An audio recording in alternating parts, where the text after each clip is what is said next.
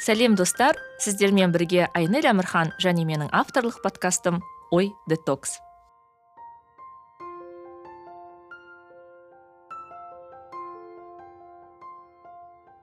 ой детокс ақпарат ағынында адасып кетпей ой сана тазалығын сақтауға көмектесетін подкаст.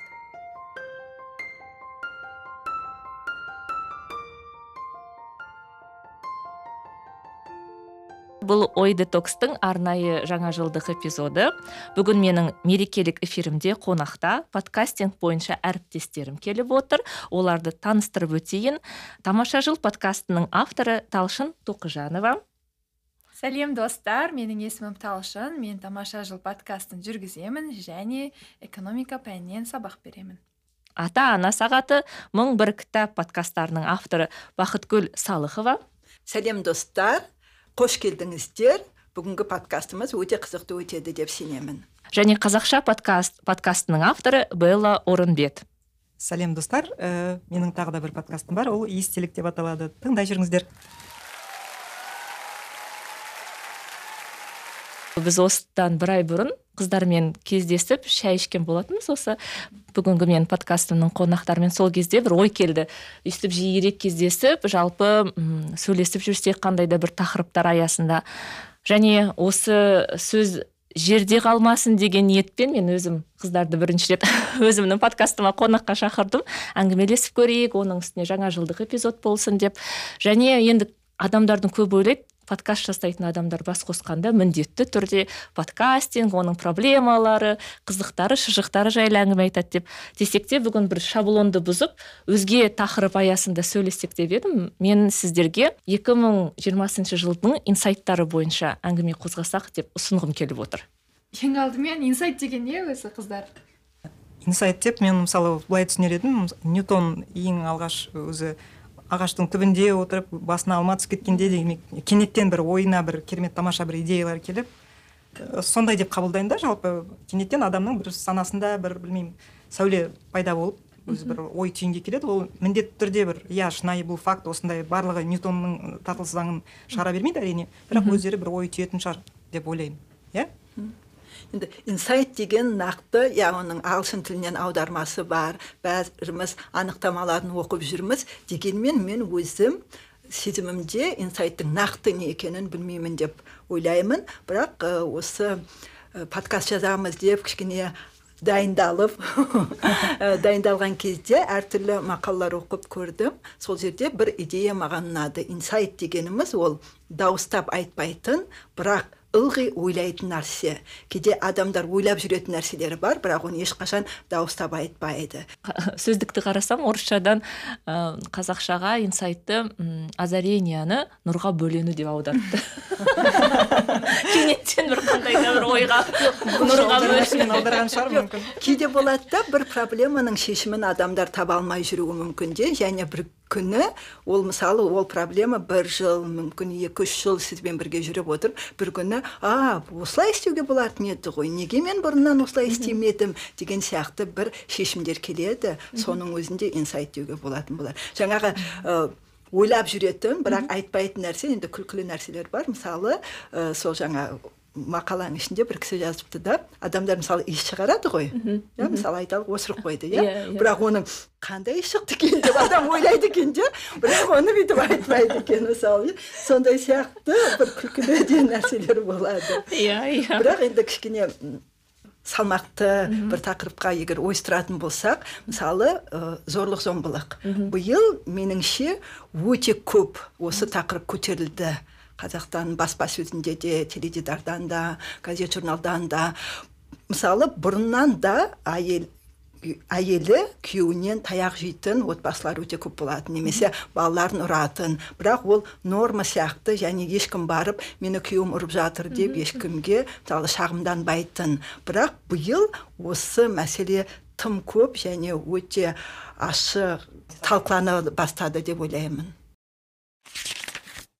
Пандемия басталғаннан бастап жалпы бәрімізде өмір туралы бір мақсаттарымыз туралы өзгерістер туралы ойлаған болармыз. Сол кезде бұрын ә, біреуге карьера иә мансап ғылыми дәреже алу шетелге шығу баю иә бір әдемі машина алу әртүрлі бір мақсаттар болады да. Соған жете береді жете береді. Үй алу жер үйге көшу деген сияқты. Бірақ егер түптеп қарасақ адам не үшін өмір сүреді?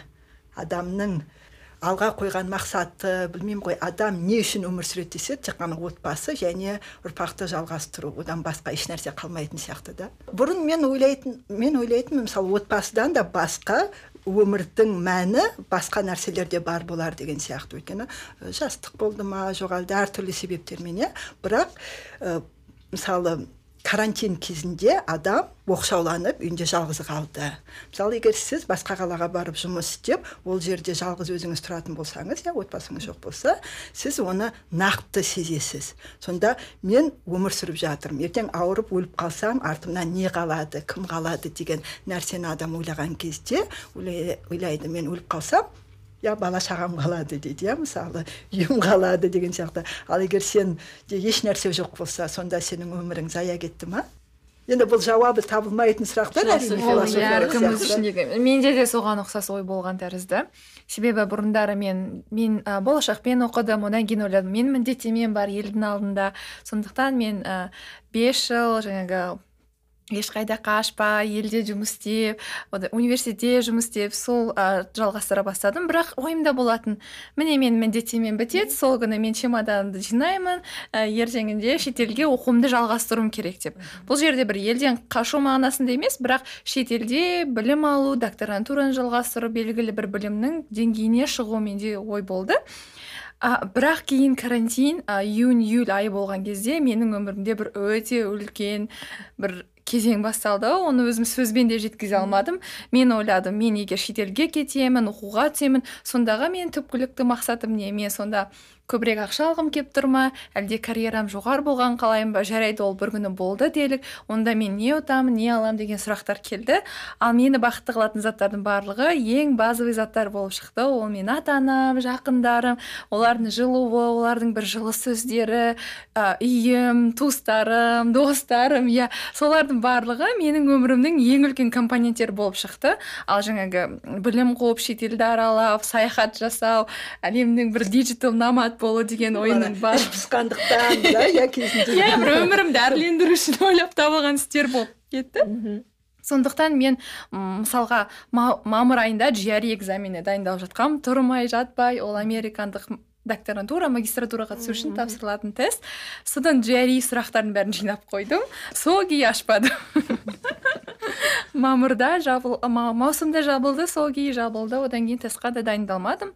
Қазақстандық жоғары оқу орнына докторантураға тапсырдым айтпақшы. Сол кезде менде ешқашан ойымда болмаған тапсырамын осында оқимын деген сияқты ой. А, бірақ өкінішке орай тағдырдың бір белгісі ма? Өтпей қалды. Мен, мен айтамын да қалай талшын осындай білімімен өтпей қалуы мүмкін. Мен түсінбеймін. Университет бір жақсы маманнан айырылып қалды өкінішке орай деп. Айырылған жоқ шығар әлі орай талшынның бақытына орай болар бірақ. Иә сол қызық сол кезде менде бір ақ моментте шешім қабылдадым. Бір ақ моментте жаңағы ары қарай о үй алайық мен докторантураға түсейін мен осы жерде бір тамырымды жайып тереңірек мүмкін қалғаным да дұрыс болар деген ой келді. Ал оғанға дейін менде болмаған. Мен бір басқа бір жердің тұрғыны сияқты өзіме елестейтінмін ішімнен солай сезетінмін ал дәл қазір өзімді тапсыра мүмкін тапсырармын бірақ қазақстанда да бақытты екенімді шынымен сезіндім. Мүмкін оны ала отырып өзімнің бақытты болғанымды сол кезде ғана түсінген сияқты иә осыдан келіп кубада мүмкін қияли ойлап алған әлемінде өмір сүре ма деп ойлайсың да. Өйткені үйден қашқандай болады да. Мысалы таңертең үйден қашып жұмысына барады сосын мен шаршап келдім деп үйіне кешке келеді мысалы иә бір міндетсінеді ондай нәрселердің бәрі жоғалды. Үйді жақсы көре бастадыңыздар ма? Иә. Мен бұрын үйде отырмайтынмын. Таң атады міне күн шығып келе жатады мен шығам. Күн батқан кезде сонда не істейсің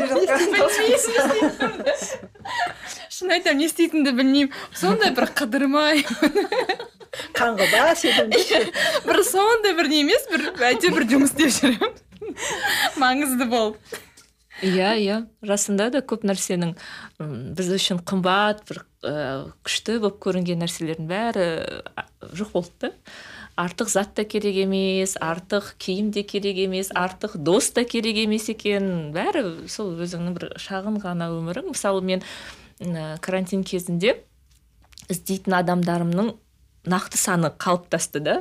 Ата анамды жаңағы жақын бауырларымды бес алты досымды ғана іздейді екенмін да. Енді ешкім ренжімесін бірақ оның сыртындағы адамдардың өмірінде не болып жатыр ы, онша маңызды емес болып қалды маған. Сол кезде ойладым айтады ғой бір артық адамдар өзінен өзі жоқ болып кетті да.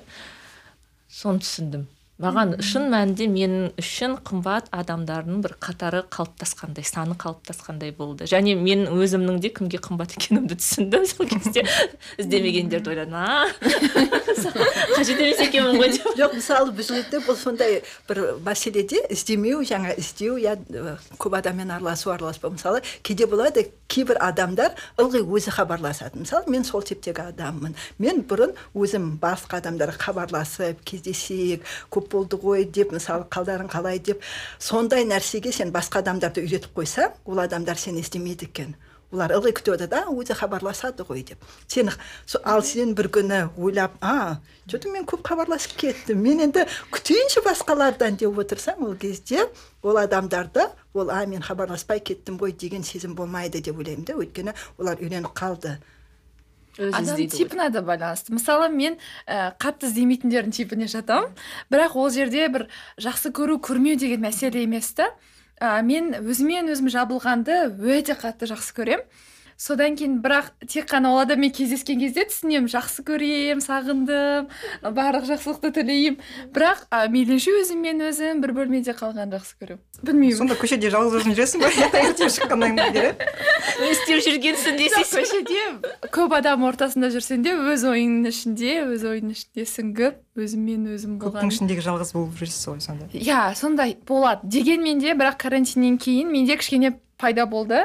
Өйткені шынымен де ең маңызды біз үшін біз адамбыз және біз үшін ең қымбатты ол адамдар болғандықтан а, мен кішкене қарым қатынасымды өзгерттім. Бұрындары мен сол өзіммен өзім бір қияли бір әлемімде өмір сүріп жүретінмін. Менің мүмкін әлемім сәл пәл бір өте бір ауадан жасалған сияқты болып сезіледі. А кейін к- осы карантиннен кейін түсінген нәрсем ол ам, адамдардың көзіне көбірек қарау. Бұрындары мен көздеріне адамдардың қарамайды екенмін. Жай ғана отыра беремін. Бірақ көзіне мән бермеймін. Бірақ осы кезде ә, менің әкем айтты. Сен адамдарды жаңа неткен кезде оның жаңа қалай киінді не істеді емес көзіне қара деп та. Қалай көзі жанып тұр не ойлап тұр екен көзінен а, танысқан кезде де көзімен таныс деген тәрізді нәрсені. Сөйтіп көзімен қарап және екінші нәрсе мен біреумен сөйлескен кезде басқа нәрсе туралы көп ойлап отыратынмын. Мысалға мен бір жерде отырамын вроде бы тыңдап отырамын бірақ тыңдамай да отыруым мүмкін да. Иә әрине ойың басқа жақта. Иә ойым басқа нәрсе басқа нәрсе ойлап отырамын. Бірақ кейін адамдардың қаншалықты құнды екенін түсінгеннен кейін және бостан бос бір дарақы бір кездесулердің барлығынан айырылғаннан кейін ең маңызды қарым қатынастармен өзің үшін маңызды деп тапқан адамдармен араласа бастағаннан кейін сол моментте көбірек өмір сүре бастаған сияқты көрінемін білмеймін. Менде қазір бір инсайт келді. Неге мен ойлайтынмын қазір? Мен тренингтерді жақсы көремін студенттермен жұмыс жасағанды жақсы көремін. Бірақ онлайн тренинг вебинар семинарларды жүргізгім келмейді. Түсіндім да менде енді ол адам экранның ар жағында не ойлап не істеп отырғанын білмеймін ғой. Менде көз контактісі жаңа сіз айтқандай болған жоқ та. Мен тікелей байланыс жоқ. Сондықтан жаңа өзімнің жақсы көретін жұмысыммен айналысқым келмей қалды. М, карантин кезінде мен өзім жалғыз қалып қалдым да үйге балаларды каникулға жіберген болатынмын қарағандыға. сосын шекаралар жабылып қалды да барлық қалада. Мен бірнеше ай бойы өзім жалғыз үйде қалдым. Сонда күні бойы түрлі енді философиялық ойларға да сериалдарға да нетфликстің тұңғиығына да сүңгіп. Сонда маған қатты жетіспеген жаңа сіз айтқандай тек қана балаларым болды да қалғандардан мен ондай тапшылықты сезбедім. Достарым басқа бір білмеймін бір адамдар қоғам ондай ешқандай таршылық болған жоқ. Сосын біздің көршілеріміз бар ма? Олар үнемі бір шу шығып жатады жаңағындай. Күйеуі өте көп әйелін көп ренжітеді сосын мен жалпы ойладым да адамдар біз маңыздысы не бұл жерде? Білім емес ешқандай да. Бастысы адамның адамгершілігі. Ол инсайт емес шығар жаңа әлихан бөкейханов айтқандай. Адамды адам қылатын жаңағындай білім емес ұлтқа қызмет ету мінезден деген сияқты. Біз көбінесе балалармен өсірген кезде олардың мінезіне мән бермейміз де. Курсқа алып барамыз сабағын оқытамыз қадағалаймыз. Бірақ адамгершілік жаңағындай коммуникацияны үйретпейміз. Мысалы ол бір абьюзер мүмкін әйелін ә, ренжітпей басқа бір нәрсеге ренжитін шығар оның бірақ қалай шығаратынын білмейді. Өйткені ата аналар оған қарапайым ғана үйреткен жоқ. Эмоциясын қалай шығару қалай бір басқа бір амалдармен түсіндіру деген сияқты. Сондықтан бір эмоционалды интеллект оның өте бір мүмкін нөлде. Деген бір ой келді. Мысалы саясатта да мысалы адамдардың көбісі былай қарасаң шетелде көрген көп нәрсені білетін адам білімді. Бірақ ұлтқа қызмет ете алмайды өйткені мінезі жоқ оларды. Ол мінезін жаңағы пайдаланбайды керек болса аттап өте сала жаңағы нормадан біліп тұрса да. Яғни қаншама білімді адам бәрібір де оның ішінде стержені жоқ мінезі жоқ. Жоқ мүмкін бір күндік өмірмен өмір сүретін болар. Біз жақында машина айдап келе жатырмыз. Алматыда кептеліс. Кептеліс қолдан жасалған кептелісте егер жаңа жүріп келе жатқан машинада отырған жүргізушілердің бәрі тәртіпті сақтаса жаңағы кептеліс болмайтын еді. Өйткені жол кең болды да бір кезде келіп кішкене тар тар бола түседі жол мысалы иә? Сол кезде жан жақтан кіретін машиналар жаңағы тәртіпті бұзып кіріп жатыр да бізде бәрі осы сәтте өзіне тиімді нәрсені істеп алғысы келеді кейде адамдар. Олар он жылдығын бес жылдығын алдыңғы мына болашақтағысын ойламайды. Сонда көп адам тек қана осы сәтте мен алға түсіп кетуім керек. Бір минуттың әрісіне берсене былай қарасаңыз. Сондықтан да мүмкін қоғамда бір ауыз толтырып айтатындай бір өзгерістер болмай жатыр ма деп ойлаймын. Сол нәрсе қызық мен соңғы алдыңғы күні ғана болған бір жағына қараған кезде ә, мысалға тәртіпті сақтай отырып өзіңнің кезегіңді күтсең ә, сенің кезегің екенін ұмытып кетіп басқа жақтан жүгіріп келетін адамдар бар да? Иә иә. Сол мезетте бәрібір өзіңді бір қорғау керек сияқты болып кетесің. Бізде солай болып тұр ғой бізде негізі қоғам мүшелерінің көп бөлігі тәртіпті болса мысалы мен жақында жаңа машинада келе жатып ә, бір хабарды тыңдап қалдым да сонда швейцария цюрих туралы айтып жатыр да ол жақта тұратын адамдардың бәрі тәртіпті дейді де. Олардың олар тіпті өздерін әзілдеп күледі дейді жаңағы тәртіпті болғаны сондықтан. Бірақ ол қалыптасқан дәстүр норма сияқты. Егер бізде де, де сондай нәрселерді қалыптастыру керек деп ойлаймын. Өйткені бізде қазір иә мен біреуді жұлып алсам біреуді итеріп жіберсем алдына түсіп кетсем немесе мен қаттырақ айқайласам мен жеңімпаз боламын деп ойлайды да жалпы сіздер кезекте тұрасыздар ғой алдыңызда ентелеп кеткен адамдарды сіздер тоқтатасыздар ма? Әлде көздеріңізді бадырайтып жаңағыдай масқара деп ішіңізден ойлайсыз да қоясыз? Тоқтатамыз. Мен тоқтатамын менде енді. Жоқ кейде әрқалай қарау керек деп ойлаймын өйткені мен британияға барған кезде бір рет сондай жағдай болған. Бәрі тұр кезекте бірақ енді біреу мысалы кеулеп кіріп кетті иә? Ала көздерімен бір қарады да ешкім шу шығармады. Тұра берді өтсін өтсін дегендей. Мен айтамын мен міндетті түрде айтамын мысалы шу шығармаған дұрыс па деп ойлаймын. Жоқ мен шу шығармаймын бірақ міндетті түрде айтамын кезек менің кезегім қазір деп. Мысалы мен алдымда бірнеше адам тұрса ә, міндетті түрде олардың алып біткенін күтемін. Және менен сұраса мен айтамын жоқ мына кісі кезекте тұрған осы кісіні жіберіңіздер деп. Ал кейде менің кезегім екен мен жаңағы жиырма минут болсын бес минут болсын тұрғаным тұрамын бірақ басқа адам келеді да алып кетеді сол кезде. Мен айтамын жоқ кешіріңіз бұл менің кезегім.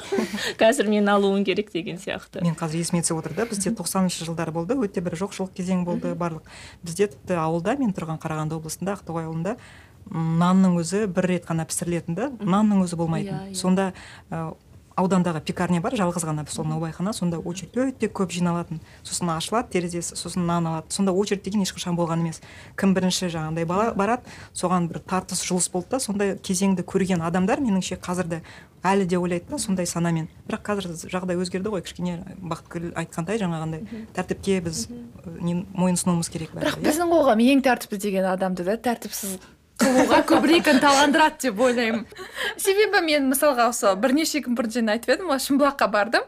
Ең соңында бір сағат бес кезінде бәрі шаңғыларын алып қалаға қайтпақшы болған иә. кезде жаңағы ә, неге кабинкаға кезек пайда бола бастайды.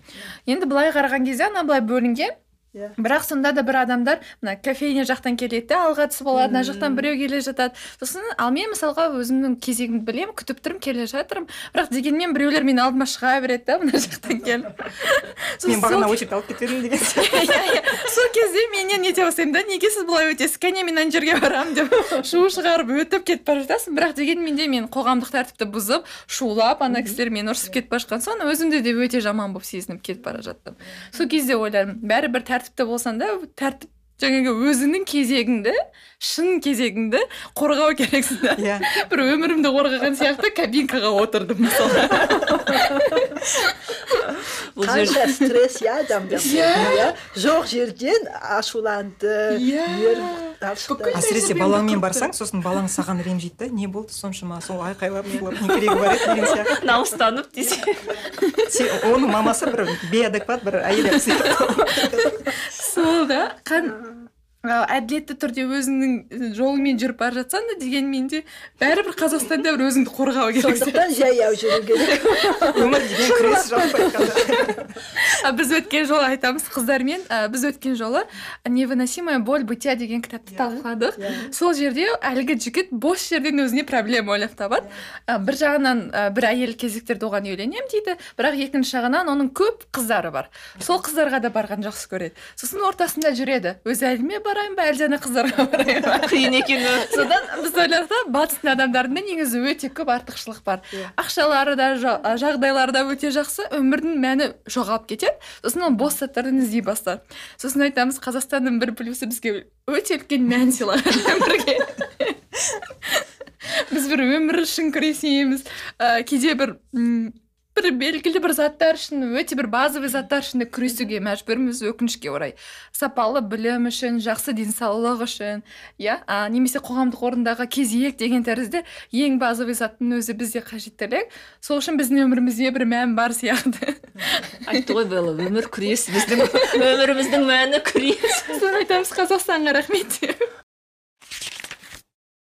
Бір оқығанда мысалы бақытты болу үшін адам қиналу керек дейді де. Мен оған келіскім келмейді де. Сен қиналмасаң бақытқа жете алмайсың иә? Яғни бақыт болып тек қана отбасылық бақыт емес жалпы адам өзін бір э, жақсы сезінудің бір жолы иә? Сонда мысалы өміріңде қиналу бір қиындықтар яғни да сен күнде құлдырайтын бір түсіп кететін бір құдықтарың мысалы болмаса сен өмірдің мәні де сондай бір қиындықтарды жеңудің нәтижесі. Солай ма сонда? Енді әдебиеттерде әдетте сондай бір қалыптас- иә қаһарман болады ол өмірі.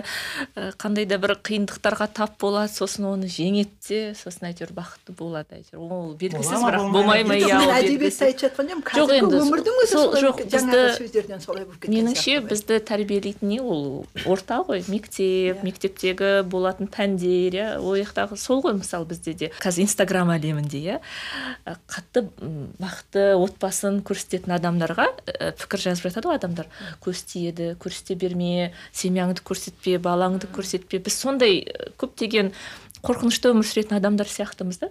Көз тиіп кететін сияқты. қызғаныш болады дейді. Қызғаныш болады дейді. Ол жаңағы не ғой андай жақсы болса демек бір жаман бір нәрсе болады деген сияқты. Үрей үш төрт жыл бұрын үш жыл бұрын ба төрт жыл бұрын ба құрбым тұрмысқа шықты. Отыз тоғыз жасында. Сосын өзінің ойындағы жігітті кездестірді. Шын мәнінде көңілінен шығатын сосын бүйтеді ә, той болатын күні бүйтеді да мен бүгін машина басып кетіп өліп қаламын ба деп қорқамын дейді. Неге десем бәрі прям жақсы идеально болып тұр дейді. Сондай бір адамда жамандықты күтіп жүр иә. Жаман бізде бәрімізде сондай бар сияқты. Тым жақсы өмір сүрсек артынан бір нәрсе болып қалады мынандай не бар да жаңа инстаграм деп айта бастадың ғой. Инстаграмда ә, көп оқырман жинап бір танымал болып жатқан адамдардың ә, жазған посттарының астына келіп әдейі жаман сөздер жазып жаңағыдай жаман пікірлер қалдырып кететін адамдар бар. Оның өзі жаңағы қызғаныштың бір түрі дейді. Дегенмен адамдар мысалы жаңағы публикаға шыққан кезде олар өзінің жаман жағын жасырып жақсы жағын көрсетуге тырысады бәрі. Үйде иә сондай и- керемет болмаса да керемет сияқты қылып бар әдемі киімін киіп бар жақсысын алдына қойып бар тәттісін шығарып сол жерде жаңағыдай басқадай рөлге еніп көрінеді. Шын мәнінде ол ондай болмайды. Сондықтан биыл мен сондай нәрсені бір түсіндім де өзім үшін. Мысалы айта кетейінші кончаловскийдің инстаграм парақшасы бар. Сол бір ой жазыпты да киноға қазір керемет жағдай туындады дейді де. Былай қарасаңыз керемет жағдай туындамаған сияқты киноға. Өйткені кинотеатрлар жабық режиссер киноларын түсіре алмай жатыр премьера деп ешкім мысалы көрсете алмай жатыр өздерінің туындыларын. Өйткені карантин. Бірақ оның кісінің айтқанына сөз ұнады да бұрын дейді мысалы ай сайын мына кинодан түскен ақшаны санайтын дейді. О мына кино мынша миллион алып келді мынау миллиард әкелді деген сияқты. Бірақ киноның бір күштісі дейді ол тұрады. Бұл киноны бір адам бес жылдан кейін көруі мүмкін бір адам он жылдан кейін көруі мүмкін бір адам оны екі үш жылдан кейін дәл сол шыққан сәтін емес кейін ол оған сондай керемет болып а мынау қандай жақсы нәрсе жасалды деп. Сондықтан киноның әдемі уақыты қазіргі уақыт деп. Мен де ойладым біз бәріміз подкаст жасап жатырмыз видеолар жасауға талпынамыз. Сол кезде дәл қазір біз тыңдарманды оқырманды жинай алмай жатырмыз. Бірақ оның да уақыты келеді. Ол егер цифрлық әлемде қолжетімді болып бір жерде сақталып тұрса оқырман іздеп әйтеуір табар ол бір адамға қажет болса да сондай жұмыстарды істей беру керек деген бір бұл жұбату емес өйткені мен осы карантин айналасында адамдардың қазақстандық болсын шетелдік болсын блогерлер әртүрлі мамандықтың адамдары өзі бір жанталас басталды да.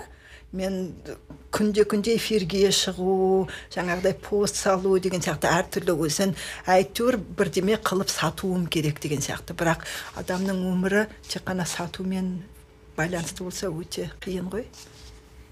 Ол енді жаңағы сіздің айтып жатқан технологиялардың бәрі тек қана постсоветтік дейді ғой. Тмд елдеріне ғана тән нәрсе деп айтады да маркетологтардың бәрі. Себебі халықтың әлеуметтік жағдайы төмен болғаннан кейін біздің халық жылтырға біздің халық ә, бай адамдардың өміріне қызығады да картинкаға. Және соны көрсету арқылы мысалы арендаға гүлді алып түсу иә арендаға бір екі сағатқа гостиницаны алып көрсету оның бәрі жаңағы жалған байлықты насихаттау және біздің халықтың соған деген қызығушылығын көрсетеді. Ал мысалы шетелдерде оларда бір миллион жазылушысы бар инстаграм деген оларға тән емес нәрсе де оларда бір бес мың алты мың он мың жазылушысы болса ол үлкен көрсеткіш. Біздікіндей ондай көз соқыр жаңағы байлыққа ғана санға ғана қызығу ол тек қана біздің елге ғана тән нәрсе. Және ол енді уақыт өте бәсеңдей береді деп сенемін. Иә әрине бәсеңдеу керек ол. бір моменттерде мамандардың дұрыс түсіндірмеуімен де байланысты деп ойлаймын да. Өйткені жаңағы таргет әртүрлі саланың мамандары өздері қосымша ақша табу үшін мына жол дұрыс деп жаңа кеңестер береді. Ғой өйткені білмейтін адам келеді де мен мысалы бір нәрсе ашқым келеді мен бір нәрсе істегім келеді оны не істеу керек? деген кезде сен былай істе былай істе деп кеңес бергенде олар өзіне пайда түсетін жағына қарай кеңес беріп адамды дұрыс жолдан тайдыратын да кезеңдер бар деп ойлаймын. Жалпы әлеуметтік желіде адамдар мысалы инстаграм деп алайық. Сол жерде бір әдемі суреттерін салады ғой мен ойламаймын. Ә, бұл мысалы отбасы бір әдемі бәрі күліп тұрған әдемі суреттерін салды ол бақытты деп қайта керісінше ойлаймын. Бақытсыз адам шығар мүмкін оған бір ә, бір допамин бірдеме керек шығар деп. Кейде тіпті өзім де байқаймын. Мен ең бақытты сәттерімде ешқандай контент салмайды екен. Қайта керісінше құлазып тұрғанда бір суретін салып адамдар лайк басып жатса сосын кішкене өзімді көңілімді жайландырып жаңағы шипа болатындай болып қалатын сияқты. Білмеймін мен қателесуім де мүмкін бірақ меніңше солай сияқты жоқ бұл жерде мысалы кейде ойлаймын да адамдар өзінің бар екенін білдіру үшін де кейде мысалы жоқ бар екені болғанда мысалы бір адам жиырма сурет жасайды бір студияға барып сосын ақырындап соны салып жібереді. Немесе бір ата аналар баласын мысалы ойнайтын алаңда тұрғызып қояды да бір динозаврдың жанында болса қақайтып тұрғызып қояды. А бала ойнағысы келеді ал шешесі оны прям тұрғызып қойып сурет жасау керек. Ол балаға қажет емес ол просто ата анасы мақтанғысы келеді да. бар нәрсе деп ойлаймын да бір принцесса туралы монаконың принцессасы ғой деймін. Сол туралы кино көрсеткенде кейін ол сондай бір күйзелістерге түскен кезде кейін бір досы телефон соғып айтады сен ылғи тасада қалмауың керек. Адамдар сені көріп жүру керек. Сондықтан бұл жерде сондай бір ол технологияның бір түрі ғой иә? Мысалы сен газет бетіне шығып тұруың керек. Мысалы кейбір адамдар журналға эфирге радиоға шығып тұру керек. Оның аты ешқашан өшіп қалмау керек. Сондықтан кейбір адамдар жаңағы амбициясы бар адамдардың жанталасып күнде күнде инстаграмда да ютубта да тағы басқа бақ құралдарында да шыға бергісі келуі яғни ол сондай сонымен байланысты ма деп ойлаймын. ол медиалық тұлға ғой иә. иә заңды жоқ қарапайым әр адам мысалы Стратегиясы. не сияқты ғой кезінде американың несі болды ғой американская мечта иә? Әр адам миллионер бола алады деген сияқты. Бізде де қазір көп адам әр адам танымал тұлға бола алады деп. иә блогер мүмкін. Бірақ блогер деген сөздің мағынасын өте нашар қылып қазақстанда бір жаман жағына түсіріп жүргені мен үшін иә бар ғой өте бір баяғы заман бір ақындары деген сияқты бір сондай категория болып көрінеді.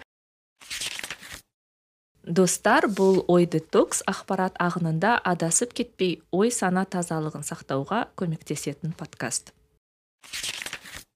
А жалпы бізде қазір төртеуміз де контент жасаумен айналысамыз. Осы жылы өздеріңізге өздеріңіздің жеке жобаларыңыз бойынша қандай инсайт алдыңыздар? Не ұқтыңыздар? бір бұрындары ойлаған бір ой болып кейін осы жылы өзгертіп басқа бағытта бұрдыңыздар ма? Өзгеше өзгерістер жасап жатырсыздар ма? Мен енді өзім жайлы айтатын болсам егер подкастинг жайлы айтатын болсам ә, жалпы ой детокстың тыңдармандарының қатарын көбейту үшін шын мәнінде бір күш жігер жұмсау керек екендігін түсіндім да ол әрине бүгін мен жаздым сала салдым тыңдаса тыңдасын тыңдамаса қойсын деген әңгіме емес екен. Себебі маған ә, мен жасаған дүниенің біреуге пайдалы болғанын қалайды екенмін оның ә, тыңдармандардың қатары өскенін қалайды екенмін бірақ енді оның бәрін жүзеге асыру үшін мен оған күш қуат жұмсауым екен пост жазуым керек екен жаңағы инстаграмға шығып тұруым керек екен. Ә, сосын ә, мен мысалы биыл түсінгенім подкаст жайлы ә, кез келген жерде айтуға тырысамын да. Ол мысалы біреу тіпті өзім де мақала жаздым жақында комментарий беріп тұрамын ә, ә, ютуб эльдар құдайбергеннің жасап жүретін ютуб каналына да бардым. Бәріміз барып шықтық иә бәріміз барып шықтық. Себебі ойлаймын да енді бір адам тыңдасын екі адам тыңдасын. Бірақ енді сен оқырмандарыңды тыңдармандарыңды тек қана солай жинай алады екенсің да. А, әріптестердің жұмысына қараймын ғой енді кейде ә, қызғаныш емес бірақ андай қызығушылық та. Не істеп жатыр мынандай да әдістерді қолданады екен ғой деп. Және мен мысалы егер өзіме қатысты айтатын болсам оның жұмыс екенін және оған ә, нәтижесі болу үшін лайықты көңіл бөліп ә, тиісінше уақыт жұмсау керек екендігін түсіндім. Ал мен қайта керісінше шығар мүмкін ә, ну сенің барлық ы, тұжырымдарыңмен айнель келісемін бірақ мен түсіндім егер мен ондай додаға рейтингқа қатыспасам ол әлдеқайда маған ә, ләззат беретін жұмыс сияқты. Мысалы мен естелікті ешқандай да бір көп айтқан жоқпын мына менікі деп.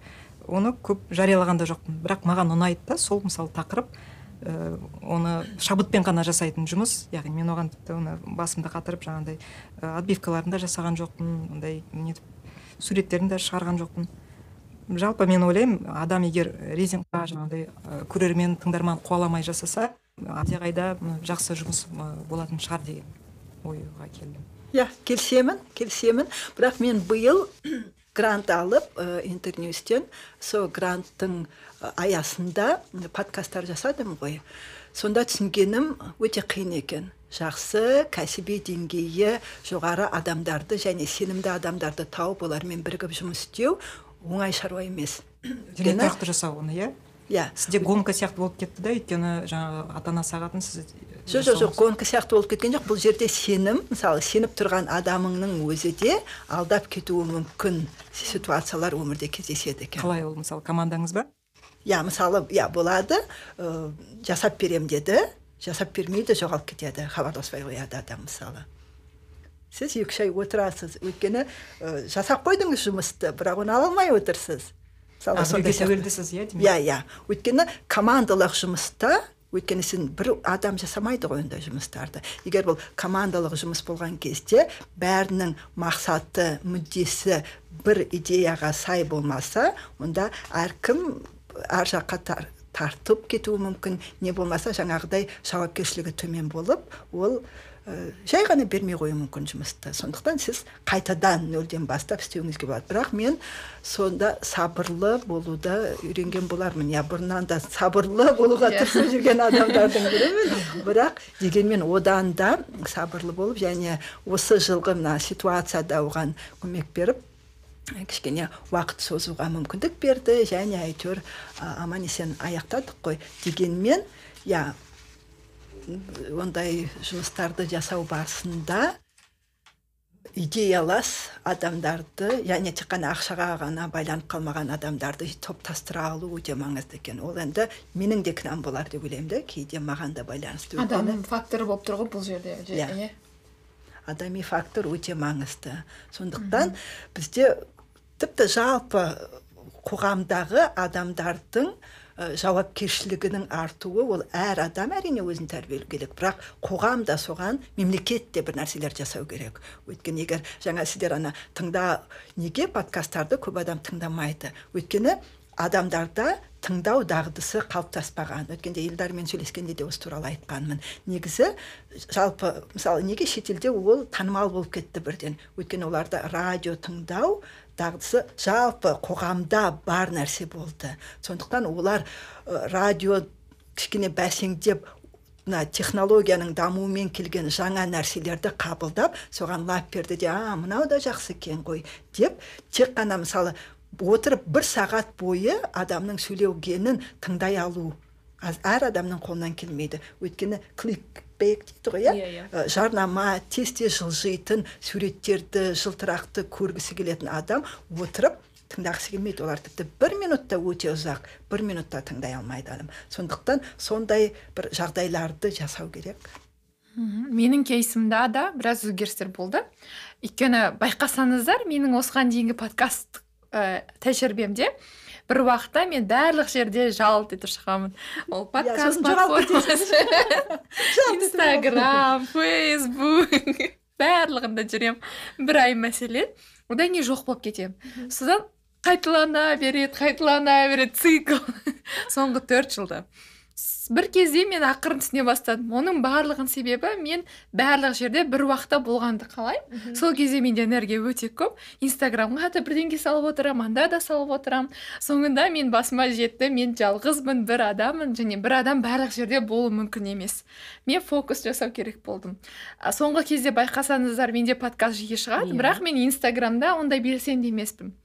Жаңағы пост шығармаймын сториста фейсбукта мүлдем жазбаймын белсенді болмай еттіңіз. Иә иә ештеңке жазбаймын бірақ есесіне подкаст бар. Демек бұл жерде мен ұққаным бәрібір адам біреу болғандықтан мен бір универсальды шебер маман бола алмаймын. Барлық жерде де болу арқылы мен керісінше выгорание болады жанып кетеді екенмін. Сосын мен жек көріп кетемін ананың барлығын өйткені сонша жұмыс.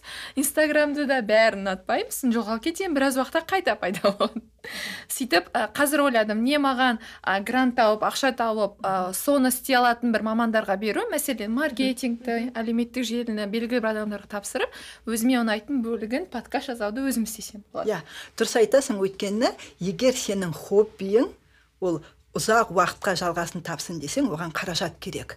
Ал қаражат болмаған жағдайда адам жаңағыдай ә, құр энтузиазммен алысқа керек, иә. бармайды ғой иә? Алысқа бара алмайды. Сондықтан иә команда керек немесе сен ақша төлеп басқа адамдарды өзіңе көмекшілер алуың керек. Және өзіңнің идеяңа бизнес деп қарай алу керек. Иә егер біз көтерілгіміз келсе иә. Биыл мен подкаст жасауға өзімнің жеке 160 мың теңге қаражатымды жұмсаппын ол жаңағы обложка болсын студия болсын жарнама да қосып көрдім. Сосын ойладым жалпы енді бұл әрине уақытты қаражатты талап ететін дүние бірақ ол грант алғаннан кейін ол міндеттеме да сен мынанша уақытта мынанша ә, подкаст эпизод жасауың керек мынанша жаңағы тыңдалымы мынша болу керек деген сияқты. Мен қазір оған мысалы дайын емеспін. Көңілім болғанда жасау енді айына бір эпизод болса да шығарып тұру деген сияқты өзіме енді талаптар айына қойдым. біреу ма сен? Екеу шығаратын бұл жерде сондай мәселеде егер адам өзі тек қана хобби және қызығушылығы мақсатында жасап жүрсе подкастты ол міндетті түрде бір күні әйтеуір ай кейін жазамын ғой кейін жазамын ғой деп жайлап жайлап өшіп қалуы мүмкін. Екі айда бір Өкінішке сосын. орай ол адамның несіне байланысты деп ойлаймын. Мысалы бұрын мен жүгіруге байланысты айтайыншы Жүгірудегі өйткені мақсат қой, адамдағы жаңағыдай мінездің өзгеруімен бұрын бір он жыл бұрын иә он он бес жыл бұрын жүгіру үшін немесе жаттығулар жасау үшін қасыма серік іздейтінмін бірге жүріңдерші барайық деп жалғыз өзің бір бара алмайтындай сол жерде соны істей алмайтындай бірақ біраз уақыт өткеннен кейін мен түсіндім а жүгіру үшін маған ешкім керегі жоқ жүгіру ол тек қана жалғыз адамның жеке өзінің жасайтын нәрсесі. Сол сияқты егер адам өзі мақсатты түрде түсінсе а мына подкаст ол маған қызық мен оны істеймін оны бір адам тыңдаса да мен жасаймын десе ол оны өзіне тәртіпті өте тәртіпті болу керек әрине иә иә. Әсіресе қазір подкастинг жасау бойынша Иә, иә. апта сайын өзі оны жасап отыру керек. Бірақ дегенмен енді өмір тарих көрсетіп тұрғандай адам бәрібір істеген жұмысына иә иә қаражат алу керек немесе жаңағыдай бір біріне спонсорлық бір көмек алу керек па білмеймін ғой. Әртүрлі бір бір мақтау сөз ең болмаса да сондай бір нәрсе болмаса адам өте әлсіз болып тұр ғой мен бір деген ес- айтып өтейінші тыңдармандарға. Көбінесе енді подкаст жасағанда бәріміз енді ешқайдан ақша алмаймыз өзіміз жасаймыз Иә. ғой түнде жасайсыз. Мысалы сіз студияңызды жалға аласыз әрбір құрылғыңыздың өзін сатып аласыз обложкаңызды жасайсыз ол керемет өте көп ақша ресурс. Сол кезде күтесің да бір жағынан шынымен де бір көрермендер тым құрмаса біреу білмеймін бір, бір, бір платформадан әй жарайсыз деп жаза қалса ғой сонда қалай қатты қуанасың иә? Бізге басқа ештеменің қажеті жоқ. Тым болмаса осы подкастты тыңдап отырған тыңдармандар. сондай сезімдерін де шығаруға тіпті аяй ма кейде ойлап қаламын да өйткені кейде кейбір андай нелерді көремін де әртүрлі енді. Смайликтер жібереді эмоджи жібереді сонда бір о жақсы сәттілік тілеймін деген бір екі сөзді жазуға адамдар ы, сонда құлқы жоқ па әлде? Білмеймін ол да бір қызғаныштың бір түрі э, нетіп отырған жоқпыз? Міндеттеп отқан бәрі астына сәттілік деп жазып қойып жоқ кейде болады да ол өзімізде де бар да. Мысалы ойлаймын да қалай ы, ол немен байланысты деп кейде өзім таңқаламын да. Өзімізді де мысалы өзгерту ғой ол ол қазақы менталитетте көбінесе бізде мындай сараңдық та эмоциялық. Біз жақсы көретінімізді ешқашан айтпаймыз ғой. Әке шешеміздің өзін бір бүйтіп қазір енді балаларымыз бүйтіп сүйіп құшақтайды бірақ өз- өзіміз ешқашан ой маматай мен сені жақсы көремін деп айтпайтын едік қой там. Бір жағынан шын мәнінде де біз эмоцияға өте сараңбыз да. Сынауға келгенде анау дыбысы нашар болып қалды. Монтажы нашар болып қалды деген айтқанды жақсы көреміз да бірақ жақсы жерін жаңа қолдау өте қиын. Сондықтан біз тым көп нәрсе күтеміз ба адамдардан? Мен күтпеймін мен өзімнен күтемін мен ойлаймын. Неге мен NPR-дың дыбысы сияқты дыбыс менде жоқ деп? Неге мен солар сияқты сөйлей алмаймын сондай бір подкаст жүргізуді армандаймын негізінде.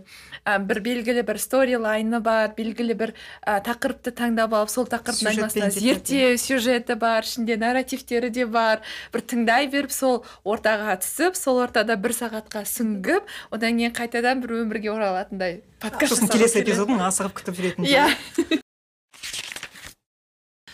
тағы да бір инсайт. Мен осы жылы мысалы луи армстронгты үнемі жақсы көретінмін. Жа- жалпы жазды жақсы көремін. Сосын тыңдағанда назар аудармайтын да маған трубаны армстронгтың ойнайтын немесе бат фрименнің анау саксофон ойнағаны ұнайтын сөйтсем бастысы эрл хайнс деген пианино бар ғой. Сол қалай такт ойнайды. Соны түсіндім да енді аналарды емес дәл қайтадан армстронгтың композицияларын қоямын да пианиноны тыңдаймын. Соншалықты біз көбінесе музыканы тыңдаған кезде жалпылама тыңдайды екенбіз да бөліп бөліп әрбір жаңағы музыкалық аспаптарды тыңдайтын болсақ ол одан да көп ләззат сыйлайды екен да қазір музыка тыңдағанда кішкене жіліктеп жіліктеп тыңдауға тырысамын. Менің кәсіби деңгейіңді өзің өзгертіп жатсың мысалы мен кино көргенде де я сурет өнерін музыка тыңдағанда жалпы адамдар оның маманы емес адамдар ұнайды ұнамайды деген нәрседен. Кейде неге ұнамайды? дегенде мен ол ұнамайды болды мысалы енді біраз нәрсенің басын шалдық шын мәнінде инсайттар биыл көп болған сияқты. Және мен басында инсайттар жайлы сөйлесеміз дегенде бір сондай көңілсіз қайғылы эпизод бола ма деп едім. Бірақ біраз күлкілі де нәрселерді айттық сіздер мына инсайт деген кезде қазір интернетте өте көп сөздер мысалы маркетингте рекламада да инсайттар деп қолданады екен а кейбір адамдар оқыған кітаптарынан инсайт алады екен сіздерде сондай болды ма Иә, иә инсайт деген ол кез иә. келген нәрседен аласың. Кино көріп отырып та ойыңа келуі мүмкін немесе сен балаңмен қыдырып келдің сол жерде бір нәрсені көрдің ә, сол инсайт болуы мүмкін деген нәрсе немесе музыка иә Музыка, иә, тыңдайды одан кейін өзіне белгілі бір жаңағы ой келуі мүмкін. Бұрын менде подкаст жазуға көбінесе музыка қатты себеп болатын. Классикалық музыка. Жай музыка тыңдап мысалға көшеде келе жатсам бір ой маған келе қалатын. Содан кейін барып жаза қалатынмын. Менде басында бір монологтар көп болушы еді ғой. Иә, иә. неге мынау былай емес неге бұл былай?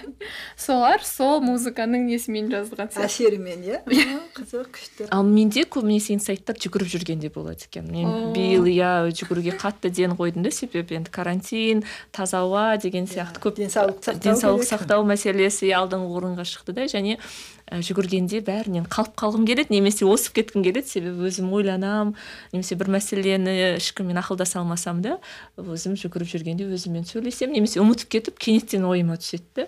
Сосын а былай екен ғой деп. Тіпті мынау біздің осы эпизодты жазу бойынша ой осы тауда жүгіріп жүргенде ойыма келді. Неге осы инсайт жайлы жазбасқа? Себебі жыл енді оңай болған жоқ десек те енді уақыт өткеннен кейін көп нәрсеге басқаша қарайсың көп нәрсе ұмытыла береді. Десек те биыл ойлануға бір ой түюге мүмкіндік болған жыл сияқты. Кез келген жамандықтың ішінен жақсылық та табуға болады екен. Қазір бәрібір осы жылда жақсы естеліктер де көп екен иә? Иә, сондықтан өмір жалғасып жатыр. Тіпті карантин болса да енді өкінішке қарай көп адамдар жоқ болды өмірден бірақ сонда да бәрібір менің бір инсайтым адамдардың қазасына қатысты. Мен ұзақ уақыт енді өзім жібере алмай жүрдім. Жақын адамдарым қайтыс болғанда. Сосын түсіндім мен жылай беретінім жаңа адамдардың жоқ болып кетуі емес просто өзімді аяймын да онсыз қалай өмірімді елестетемін деген сияқты. Сондықтан егер сіздің өміріңізде сондай бір жағдайлар болып жатса оларда бәрібір сезінбейді ол бәрібір мүмкін. Ол мына өмір бар ма жоқ па білмеймін. Бірақ сіз өзіңізді аяп жылап жатсыз жаңағы адамдардың жоқ болғанынан емес. Сондықтан сабырға келу керек бәрібір де өмір әрі қарай жалғасып жатыр. Жақсы моменттер міндетті түрде болады. Қыздар енді біздің эпизод жаңа жыл қарсаңында жазылып жатыр. Ә, ойымызды кішкене жинақтап осы тыңдармандарға өзіміздің жаңа жылдық тілектерімізді жеткізсек. Бақытты болыңыздар. Ал талшын бастадың ғой енді. Жоқ мен шын мәнінде бақытты болыңыз деген тілекті әдетте ә, тойда тост айтқан кезде көбінесе айтпайды екенмін себебі бір сондай өте абстрактный ұғым ә, және бір бақыт деген бір нақты бір не емес қой кезең емес ол бір ә, сәт. Иә көбінесе состояние. Әр кезде әртүрлі болады. Ә, меніңше осы жылдың инсайттарын ала отырып шынымен де өмірдің жалғасатынын түсіндік және де келесі жылы әрқайсымыз ішімізде жатқан барлық 2020 жылы орындалмай қалған 2020 жылы қойып қойған мақсаттарымыз бен тілектеріміз болса солар орындалсын энергияларыңыз көп болсын сарқылмасын. Ә, әрқашан өмірлеріңіз өмірлеріңізде оң өзгерістер бола берсін. Мгм. мен биыл э, енді осы жағдайға байланысты тойға да туған күнге де ешқандай қонақтыққа да бармаппын. Сондықтан э, бетпе бет отырып ешкімге тілек айтпағанмын. Бірақ whatsapp арқылы көбінесе құттықтаулар жіберіп жатамын ғой. Сол кезде бір өзіме есімде мен көбінесе мейірім мен қуанышқа толы ортаң болсын деген тілек жазады екенмін. Адамдар мейірімді қуанышты бір жағдайлар кішкентай нәрседен де қуанып жүрсе екен деймін. Сондықтан жаңа жылда мейірімді орта қуаныш көбірек болсын. Мен жаңа айтып өттім ғой жаңа тоқсаныншы жылдарда жоқшылықты көрдік деп.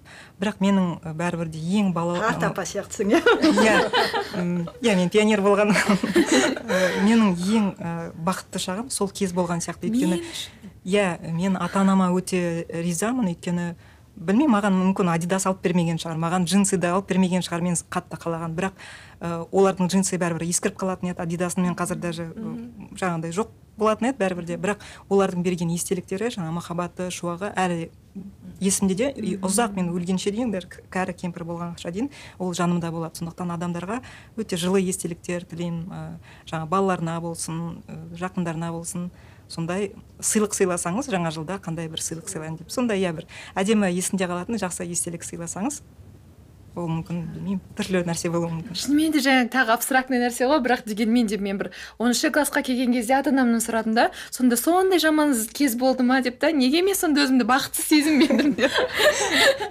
Сөйтсек сол моментте бақытты болдық қой барлығымыз иә иә. адамдар уақыт өткеннен кейін сол кездің бақытты болғанын сезетін сияқты меніңше. Мен мысалға бірақ бала болдым бала болған кезде де бір қайғырмадым да менде Иә, иә. етік жоқ екен менде мынау болмапты деп та. Ал бірақ әке шешем есіне алады. Қалай ол етікті әпере алмай жүргенін қиналғанын мысалы қалай нан әкелгенін да түрлі оқиғаларды. Ал бір жағдайға түрлі көзқарас қой. Иә ал менің көзімде ол басқа жақында осындай реклама көрдім. Мамасы екі баласын үйден реклама негізі жарнама екен. Сөйтсе ә, папасы жұмысқа кетіп қалады таңертең мамасы жаңа біреуін балабақшаға апару керек екіншісі еңбектеп жүр не істеп шаршап бүйтіп әйтеуір кешке дейін бір нәрсе болып шығады. Сосын папасы келеді де мамасынан сұрайды қалай қалың қалай? дейді бүгінгі күнің қалай өтті? дейді. Мамасы айтады енді күндегідей дейді.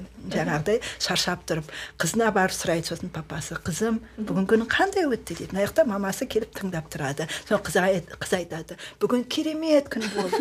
Мен мамаммен керемет күн өткіздім. Өйткені мамам екеуміз шаштық бір нәрсені а мамасы шашып жаңағыдай ренжіп жүр ана қыздың мамам екеуміз бір тәтті пісірдік.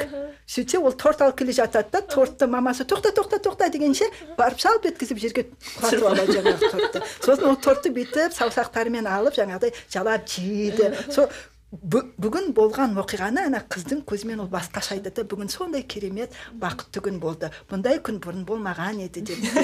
Сонда мамасы айтады мә қандай бір жағдайға екі түрлі көзқарас иә енді осы әдемі нотада бүгінгі эпизодымызды аяқтайық мен де барша тыңдармандарға 2021 жыл жылы жылы естеліктерге толы денсаулыққа мол және мейірімді жыл болсын деп тілеймін. Себебі құдай біледі қандай болатынын десек те биылғыдан қайда жақсы болатынына сенімдімін.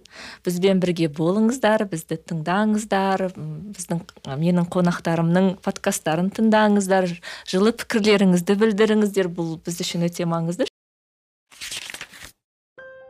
ақпарат ағынында ой сана тазалығын сақтауға көмектесетін ой детокс подкастының алғашқы сезоны осымен тамамдалды бір сезонда барлығы 18 эпизод болды. Осы уақыт аралығында менімен болған менің эпизодтарымды тыңдаған қандай да бір қолдау білдірген кері байланыстарын ерінбей жолдап бар, жатқан барша тыңдармандарға подкастыма келген қонақтарыма алғыс білдіремін. Келе жатқан жаңа жыл әр шаңыраққа бақ пен береке алып келсін деніміз сау болсын. Жаңа жылда жаңа сезонда кездескенше достар.